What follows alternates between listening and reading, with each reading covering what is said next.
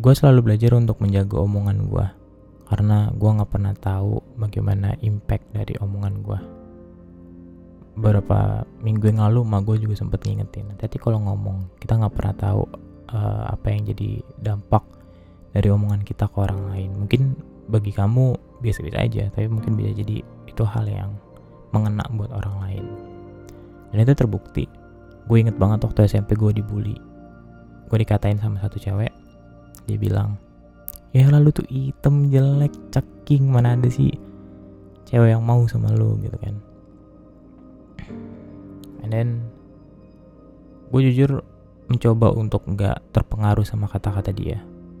Tapi I almost apa ya gue hampir kayak putus asa dan minder lah jadinya.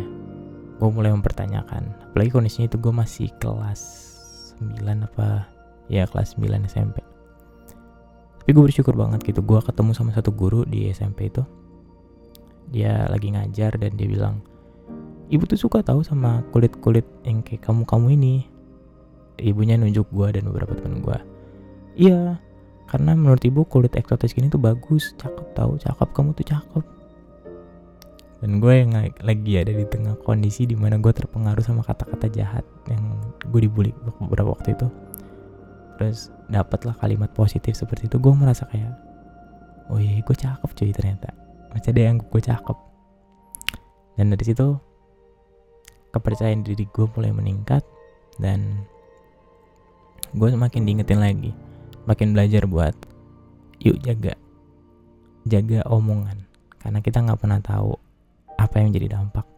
Kalau misalkan kita nggak bisa ngomong hal yang baik ya lebih baik diem tapi kalau misalkan kita bisa ngomong yang baik katakan. Karena kita nggak pernah tahu apa yang lagi orang lain itu butuhkan atau orang itu rasakan